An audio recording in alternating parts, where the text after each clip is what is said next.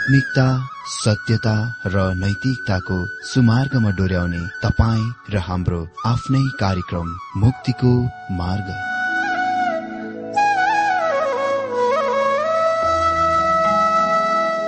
आदरणीय श्रोता यस मुक्तिको मार्ग कार्यक्रममा हार्दिक स्वागत छ। आशा छ यस आत्मिक कार्यक्रमद्वारा जीवनमा आत्मिक आशिष अलौकिक शान्ति र आनन्द प्राप्त गर्नुहुनेछ। र जीवनमा धन्य अनुभव गर्नुहुनेछ। आउनुहोस् श्रोता। मन र आत्माको तयारीको लागि यो मिठो अनि मधुर भजन गीत सुनौ।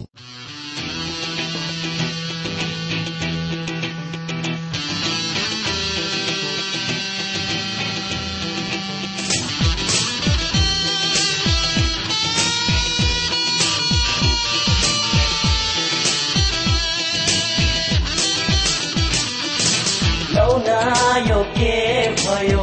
मलाई गाउन मन लाग्यो।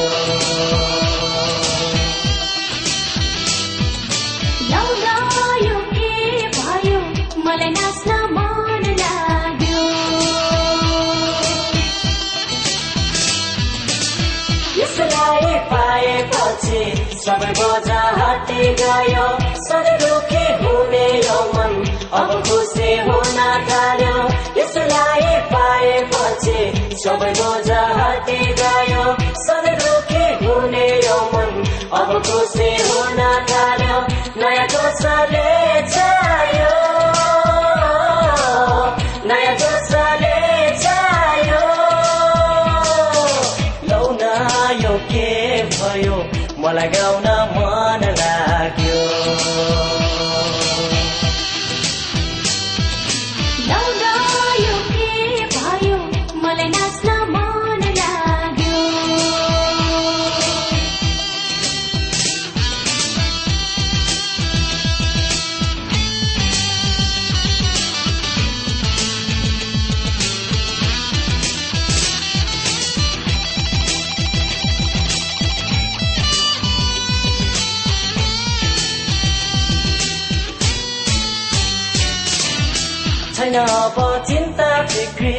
आज अनि भोलिको लागि मनभरि छायो खुसी यसुलाई पाएपछि।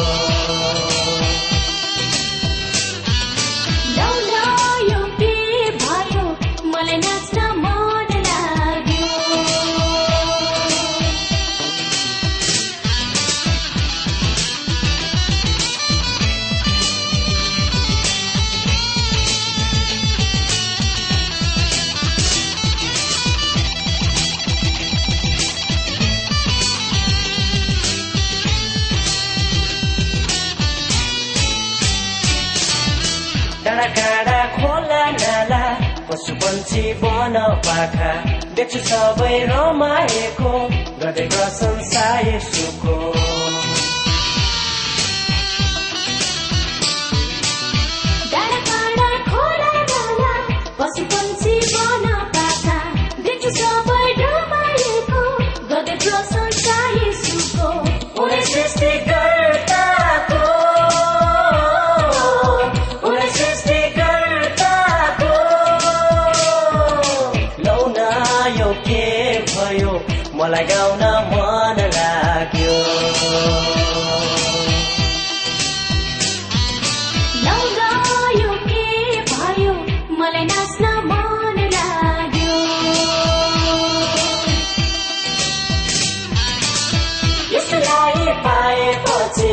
सबै बोझा हटी गयो सधैँ दुखी हुने यो मन।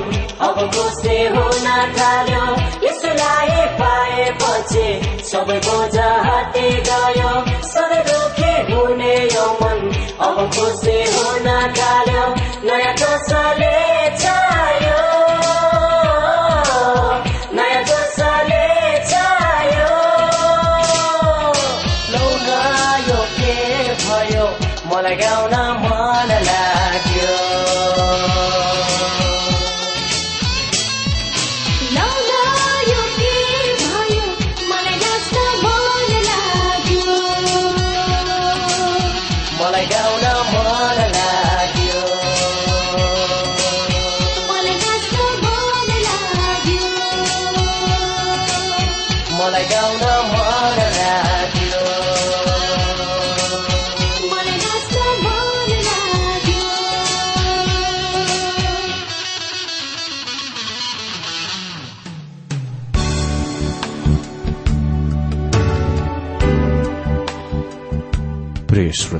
यो प्रसारण मार्फत यो अवगत गराउन चाहन्छौ कि? प्रभुको सेवाको लागि यहाँहरूको साझेदारी नित्यन्त आवश्यकता छ। यहाँहरूले प्रार्थनाको साथसाथै आर्थिक सहायता गर्न अनुरोध गर्दछौ। तपाईँहरूको सानो भन्दा सानो भेटी किन नहोस्? हामी प्रभुको नाममा स्वीकार गर्नेछौ। प्रभुको सेवाको लागि। तपाईँहरूको यो सानो लगानीले कसैको जीवनमा भिन्नता ल्याउँछ अनि प्रभुको महिमा हुन्छ। प्रभु तपाईँहरूलाई महान गरी आशिष दिनुहुनेछ। इच्छुक श्रोताहरूले तपाईँको इच्छा भेटी हाम्रो ठेगानामा पठाउन सक्नुहुन्छ जुन ठेगाना हामी कार्यक्रमको अन्तमा दिनेछौ।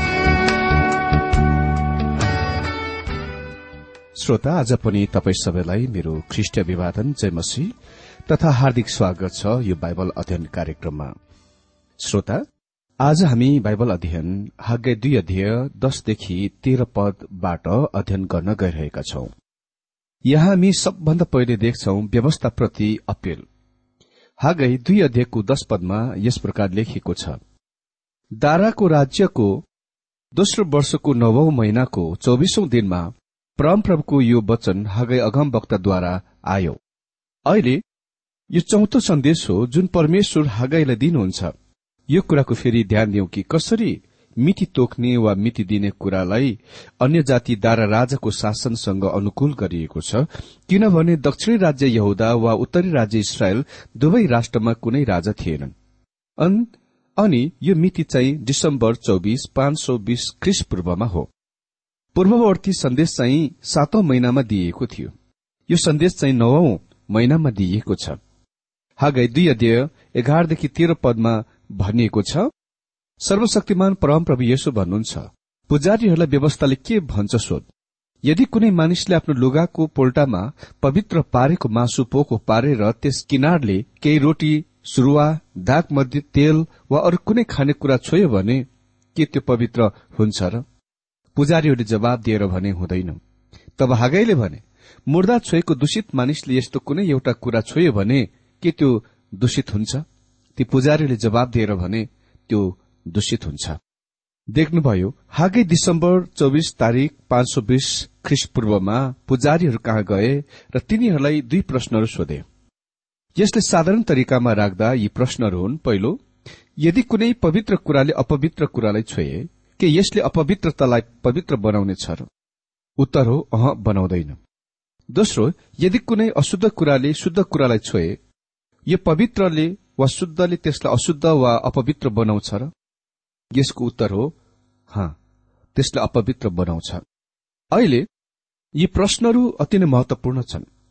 आउनुहोस् पृष्ठभूमि हेरौं। इसरायलमा त्यहाँ दिन प्रतिदिनको जीवनका धेरै त्यस्ता कुराहरू थिए जुनका मोसाको व्यवस्थाद्वारा विवरणमा ढाकिएका थिएनन्। त्यहाँ विभिन्न किसिमका परिस्थितिहरू थिए र त्यहाँ विभिन्न किसिमका समस्याहरू थिए जुन तिनीहरूका प्रतिदिन जीवनहरूमा खड़ा हुँदथे र व्यवस्थाका कुनै त्यस्ता निश्चित खास नियम दिएको थिएन जुनले तिनीहरूलाई काफी मात्रामा पर्याप्त रूपमा ढाक्दथ्यो। तब कसरी इसरायल व्यवस्था मुनि चल्दथ्यो? जब निश्चित परिस्थितिहरूको नियन्त्रण गर्न त्यहाँ कुनै खास निश्चित व्यवस्था थिएन। हजुर यस्तो मामला गन्ती सत्ताइस अध्यायमा जो लोहेहातका छोरीहरूका पैतृक सम्पत्तिको सम्बन्धमा वा उत्तराधिकारको सम्बन्धमा छ। मुसाको व्यवस्थाले जब कुनै मानिससँग छोरीहरू हुँदथ्यो कुनै उत्तराधिकारको प्रबन्ध वा व्यवस्था बनाएनन् तर खालि छोराहरूको लागि मात्र। जेलोफेहातसँग कुनै छोराहरू थिएन तर उससँग धेरै घरभरि छोरीहरू थिए। जब तिनीहरूका पिता मर्यो ती केटीहरू मोसा कहाँ गए र भने यहाँ हेर्नुहोस् हाम्रो पिताका सम्पत्तिको बारेमा नि के व्यवस्थाले भन्छ। छोराहरूले मात्र पैतृक सम्पत्ति पाउँदछ। वा छोराहरू मात्र उत्तराधिकारी हुन् तर हाम्रा पितासँग छोराहरू थिएनन्। उहाँसँग खालि छोरीहरू मात्र थिए। त्यसकारण हामीले पैतृक धन पाउनै पर्छ। हुन सक्छ मुसा यी स्त्री अधिकार आन्दोलन सम्बन्धमा त्यति धेरै उत्साही थिएनन्। यसकारण उसले यो मामलालाई परमप्रभु कहाँ लग्यो? हजुर यो कुरा देख्न अति नै चाखलाग्दो कुरा थियो कि परमप्रभु यी केटीहरूको पक्षमा हुनुहुन्थ्यो। उहाँले भन्नुभयो जेलोफ्यातका छोरीहरू सही कुरा बोल्दैछन्। तैले निश्चय नै तिनीहरूलाई तिनीहरूका पिताका दाज्युभाइहरू बीच पैतृक सम्पत्तिको अधिकार देऊ। यसरी यसले त्यस विशेष प्रश्नको ठिक गर्यो। परमेश्वरले व्यवस्थाको मुनि न्यायको लागि पर्याप्त प्रबन्ध बनाउनुभयो। यही नै तरिकामा यो काम गर्थ्यो। जब व्यवस्थाद्वारा नढाकिएका नभेटिएका मामलाहरू खड़ा हुँदथ्यो तिनीहरूले पुजारीहरू कहाँ अपील निवेदन गर्नुपर्दथ्यो व्यवस्था सत्र अध्यय आठदेखि एघार पदले भन्छ कुनै हत्याकाण्ड कानूनी विवाद वा कुटपिटका मामला छिनाफाना गर्नु तिनीहरूलाई गाह्रो पर्यो भने परमप्रभु तिनीहरूका परमेश्वरले छान्नुहुने ठाउँमा जानु। पुजारीहरू कहाँ जानु जो लेबी हुन् र तिनीहरूलाई सोध्नु। अनि तत्कालीन न्यायकर्ता कहाँ गएर परामर्श लिनु। परमप्रभुले छान्नुहुने ठाउँमा तिनीहरूले तिनीहरूलाई दिएका निर्देशन अनुसार सबै कुरा गर्नलाई ध्यान दिनु। तिनीहरूले सिकाएको व्यवस्था र दिएका निर्णय अनुसार तिनीहरूले गर्नु। तिनीहरूले तिमीहरूलाई भनेका कुराहरूबाट दायाँ बायाँ नलाग्नु। जब त्यस्ता निश्चित प्रकारका परिस्थितिहरू खड़ा हुँदथ्यो जुनका व्यवस्थाद्वारा ढाकिएका थिएनन् त्यस्तो मामलामा मानिसहरूले पुजारी कहाँ अपील गर्नु पर्दथ्यो उसले निर्णय बनाउँदथ्यो र उसको निर्णय त्यस्ता व्यवस्था बन्थ्यो जुनले उही प्रकारको उस्तै मामलासँग व्यवहार गर्दथ्यो। त्यो नै परमेश्वरको तरिका थियो र यो मलाई यस्तो देखाइ पर्दछ कि हामी आज यो उही विधि वा तरिका पछ्याउँदछौ। मित्र मैले एकपल्ट वाणिज्य व्यवस्थामा कोर्स लिएथे र यद्यपि सिकाइएका सम्पूर्ण कुराहरूको मलाई याद नभए तापनि मलाई अझै स्टेट्यू ल वा अहिले तोकेको व्यवस्था कमन ल वा आम सामान्य व्यवस्था बीचको भिन्नता वा अन्तरलाई अझै याद छ। स्टेट्यू ल वा ऐनले तोकेको व्यवस्था त्यो व्यवस्था हो जुन ऐन बनाउने सदन वा सभा अर्थात विधान मण्डलद्वारा पारित गरिन्दछ। जब त्यो निश्चित बिल ऐन कानून बनाउने सदन वा सभाको विधान मण्डलको सामने आउँछ र त्यसको पारित गरिन्दछ त्यो स्टेट्युट ल वा ऐनले तोकेको व्यवस्था बन्दछ। त्यो व्यवस्था लेखिन्दछ र त्यो व्यवस्थाको रूपमा उभिन्दछ। त्यहाँ धेरै स्टेट्युट ल वा ऐनले तोकेका व्यवस्थाहरू छन् र मलाई पक्कै निश्चय छ कि कसैले पनि ती सबैको जान्दछन्। अनि त्यहाँ कमन ल वा आम सामान्य व्यवस्था पनि छ। उदाहरणको लागि कुनै मामला अदालतमा ल्याइदछ मानिलिउ यो काले सेतेको आपसको मुद्दा हुन्। वकिलले मुद्दाको प्रत्येक पक्षको मुद्दाको वकिलले वही खाताहरूमा उही किसिमको मिल्दो जुल्दो मुद्दाको हेर्दछन्। जुनको पहिले नै न्यायिक जाँच गरिसकिएको छ किनभने ऐन कानूनले तोकिसकेका पुस्तक वा वही खातामा कुनै कुरा छैन जुनले त्यस विशेष खास मुद्दाको ढाक्दछ। त्यसकारण अन्तिममा तिनीहरूले उस्तै किसिमको मिल्दा जुल्दा मुद्दाको पत्ता लगाउँछन् जुन धेरै साल पहिले फल्ला फल्ला फल्ला फल्ला अदालतमा न्यायाधीशद्वारा निर्णय गरिसकिएको थियो वा छिनुफानु गरिसकिएको थियो। त्यस्ता प्रकारका निर्णयहरू अदालतद्वारा दिइने व्यवस्थाहरूलाई कमन ल वा आम सामान्य व्यवस्था भनिन्दछ त्यसकारण हामीसँग दुई प्रकारको व्यवस्था छ अहिले तोकेको व्यवस्था र आम व्यवस्था। अनि यो प्रबन्ध परमेश्वरले इसरायलको लागि बनाउनुभयो। प्रत्येक खास विशेष मामला वा मुद्दाहरूको मोसाको व्यवस्थाद्वारा ढाकिएको थिएन। यद्यपि धेरै महान नियम सिद्धान्तहरू दिइए तापनि पुजारीहरूले पुरानो नियम थाहा पाउनु पर्ने थियो अनि जब त्यस्तो मामला खड़ा भयो जुन मोसाको व्यवस्थाद्वारा निश्चित गरेर विशेष गरेर ढाकेका थिएन तब मानिसहरूले त्यस मामलाका पुजारीहरूका निर्णयको निम्ति लानु पर्दथ्यो। अनि पुजारीहरूले मोसाको व्यवस्थाका मानिसहरूको लागि परमेश्वरको वचनमा पाइएको महान सिद्धान्त अनुसार अर्थ खुलाइदिँदथे। त्यसपछि निम्न पदहरूमा हामी देख्नेछौ नियम सिद्धान्तको वर्णन। यो कुराको मनमा लिनुहोस् कि हग्गैको पुस्तकमा हामी सत्तरी वर्षको बाबेलको कैदपछि बाटोको अवधितिर आएका छौं। यी परमेश्वरका सन्तानहरू पहिले सत्तरी वर्षसम्म बाबेलमा कैद गरी कैदको समय काटिसकेका छन्। खालि सानो संख्यामा बाँकी बचेका रहेकाहरू मात्र आफ्नो त्यस मुलुकमा फर्किआए र ती मानिसहरू निरुत्साहित भए। परमेश्वरले तीन भविष्य वक्ताहरूलाई उत्साह दिन खड़ा गर्नुभयो र जबकि हागे अहिले व्यावहारिक मानिस भएकोले गर्दा परमेश्वरले उसलाई पुजारीहरू कहाँ दुई प्रश्नहरू सहित सोध्न पठाउनुभयो जुनका विशेष गरेर मोसाको व्यवस्थाद्वारा ढाकिएका थिएनन्। यो कुराको याद राख्नुहोस् यरुसलेममा फर्किने प्रथमपल्ट ती कैदीहरू फर्किआउँदा तिनीहरूसँग परमेश्वरको भवन बनाउने अति नै ठूलो जोश र उत्साह थियो। तर यरुसलेमको भग्नावशेषहरू वा विध्वंसमा पसिरहेको पन्ध्र वर्षपछि पनि तिनीहरूले कुनै निर्माण गरिरहेका थिएनन् किनकि तिनीहरूले अति नै महान भयंकर विरोध आफ्ना शत्रु सामर्यद्वारा झेलिरहेका थिए। त्यो त्यस्तो देखिन्थ्यो मानौ त्यो विरोध सतावट कहिले पनि टल्ने छैन।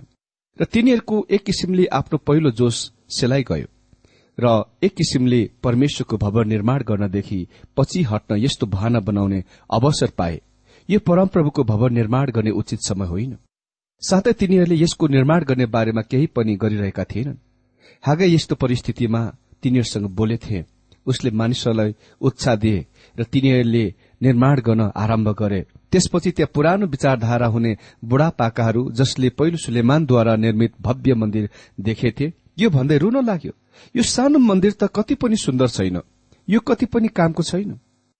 तैपनि मानिसले तीन महिनासम्म काम गरे। त्यसपछि मानिसहरूभित्र पैसाको लागि लाग्ने आत्मा पर्यो। र मानिसहरूले हागाईलाई भने तपाईँले हामीलाई काम गर्न जान र मन्दिर निर्माण गर्न भन्नुभयो। र यदि हामीले त्यसो गरे परमेश्वरले हामीलाई आशिष दिनुहुनेछ भन्नुभयो। हामीले तपाईँका कुरा पालन गर्यौं तर परमेश्वरले हामीलाई आशिष दिइरहनु भएको छैन। अनि त्यो नै समयमा परमेश्वरले हगाईलाई पुजारी कहाँ दुई तहको छानबिन सहित पठाउनुभयो। यो वास्तवमा दुई मुखहरू भएको एउटै प्रश्न हो र प्रश्नहरू यी नै हुन्। उसले प्राप्त गरेका उत्तरहरू यी नै हुन्। के पवित्रता सम्पर्कद्वारा सारिन्दछ? उत्तर हो अह सारिँदैन पवित्रले अपवित्र कुरालाई सम्पर्कद्वारा पवित्र बनाउन सक्दैन। पवित्रता एकदेखि अर्कोलाई नसर्ने कुरा हो।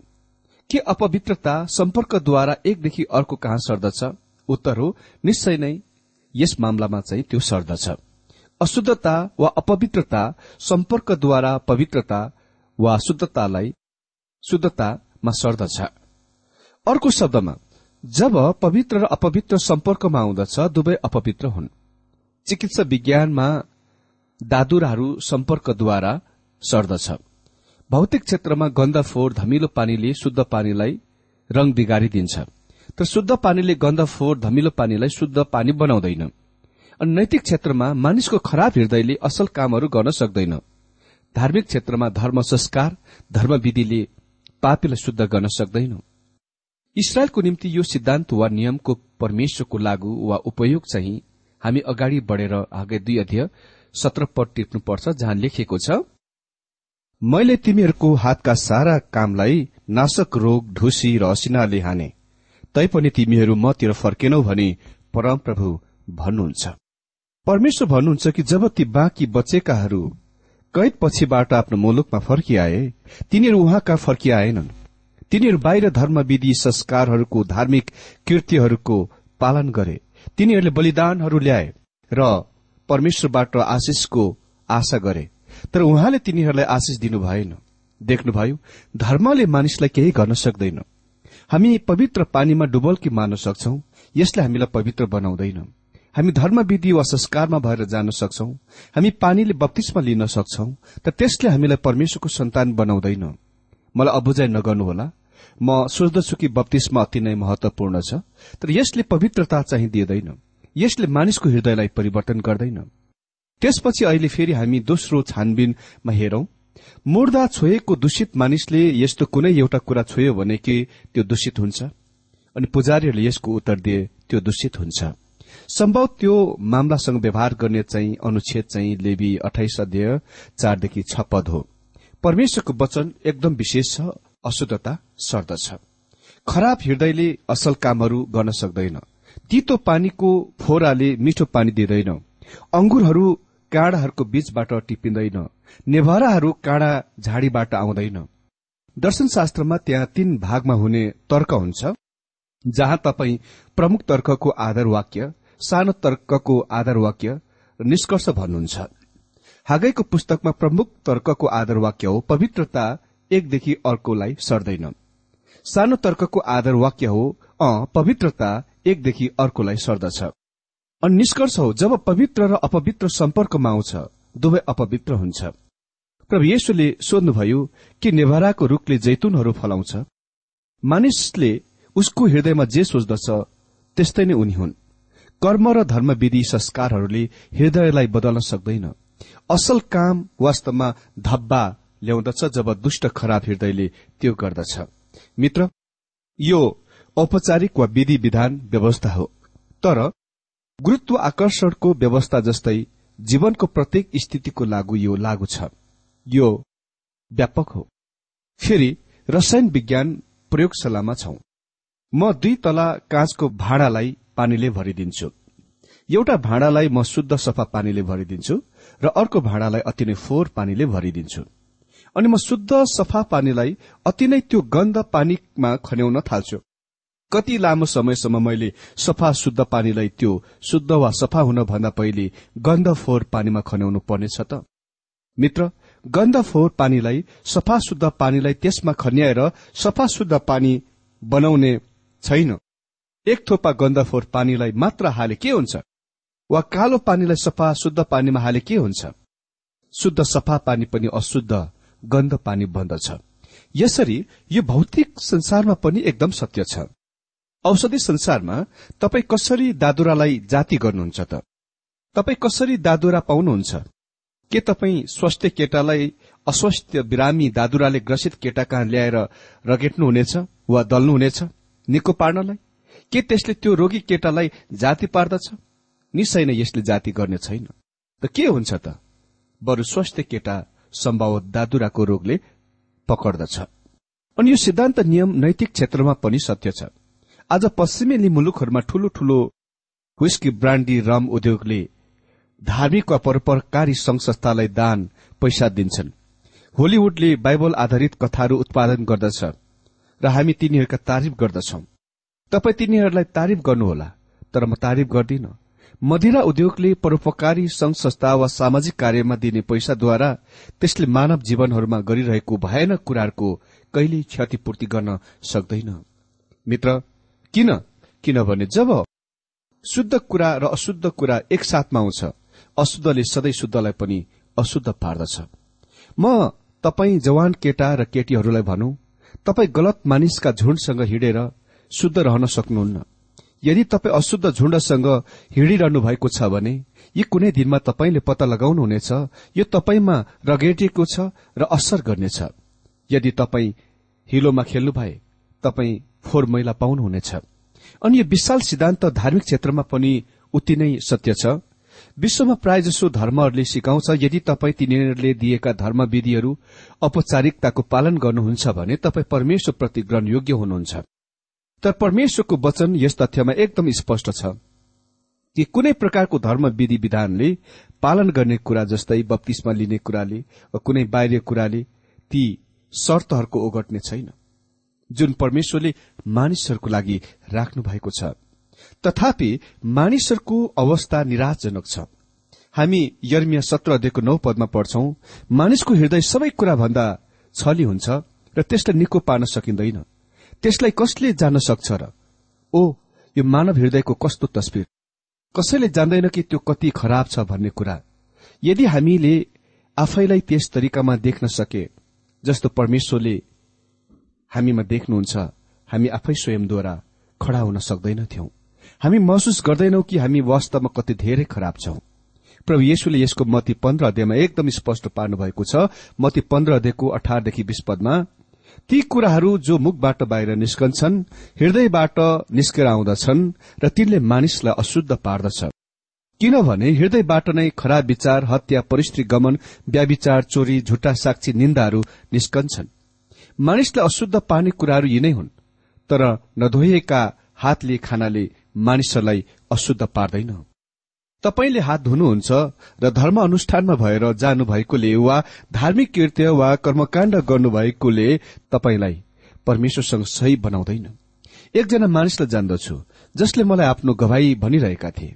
म एक क्रिस्चियनले पालन गर्नुपर्ने सबै धर्मविधि कर्मकाण्डहरू गर्दछु र सधैँ मण्डली आराधना सेवामा पनि जान्छु। वास्तविकता बताउनु पर्दा म पक्का विश्वासी थिइन। बाँकी पूरा हप्ताभरि चाहिँ म त्यस्तो कामहरू गर्दथे जुन एक विश्वासीले गर्दैन। म एकदम पाखण्डी थिएँ।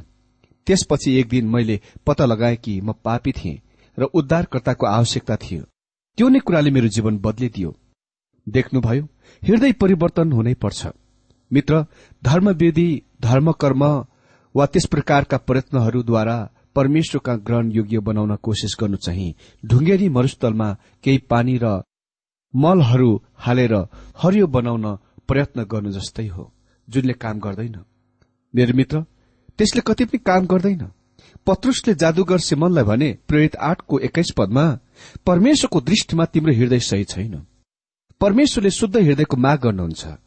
एफिसी छको छ पदमा परमेश्वरले हृदयबाट परमेश्वरको इच्छा गर्ने कामको बारेमा बताउँदछ। हेब्रु दशको बाइस पदमा भनिएको छ शुद्ध हृदयले उहाँ कहाँ? आऊ शुद्ध हृदयले उहाँ कहाँ आऊ कसरी मानिसको शुद्ध हृदय शुद्ध हुन सक्छ जबकि उसको हृदय स्वभावद्वारा अशुद्ध छ के त्यहाँ कुनै त्यस्तो कुरा छ जुनलाई मानिसले हृदयलाई शुद्ध गर्न सक्छ अह त्यो चाहिँ मैले एउटा ठूलो कपडाहरू सफा गर्ने धुने पसलमा पढेको आदर्श वाक्य जस्तै हो इज्जत छोडेर हामी हरेक कुरा शुद्ध पार्दछौ मित्र त्यो नै एक कुरा हो जुन तपाईँ यो पृथ्वीमा भइन्जेलसम्म शुद्ध गर्न सक्नुहुन्न। हितपदेशको लेखकले यो प्रश्न सोध्छन् विश्व अध्यायको नौ पदमा कसले भन्न सक्छ मैले आफ्नो हृदय शुद्ध राखेको छु? म सफा र पाप रहित छु। हजुर परमेश्वरसँग त्यसको दबाईको उपचारको निर्देश छ। यसैया एक अध्यय अठार पदले भन्छ परमप्रभु भन्नुहुन्छ अब आओ हामीसँग सँगै बसेर आफ्ना कुराहरूको छलफल गरौं। तिमीहरूका पापहरू सिन्दुरे रंगका भए पनि ती हिउँ जस्तै सेता हुनेछन्। गाडा राता रंगका भए तापनि ती ऊन जस्तै हुनेछन्। पत्रुसले लेखे पहिलो पत्रुस एक अध्यय अठार उन्नाइस पदमा किनकि तिमीहरू जान्दछौ तिमीहरूका पिता पुर्खाहरूदेखि चलिआएको तिमीहरूको व्यर्थको चाल चलनबाट तिमीहरूले चाँदी र सुन जस्ता नासुने चीजहरूद्वारा छुटकारा पाएका होइनौ। तर निर्दोष र निष्कलंक पाठोको रगत अर्थात ख्रिष्टको बहुमूल्य रगतद्वारा छुटकारा पाएका छौ। मित्र पापले केवल ख्रिष्टको रगतले मात्र शुद्ध पार्दछ।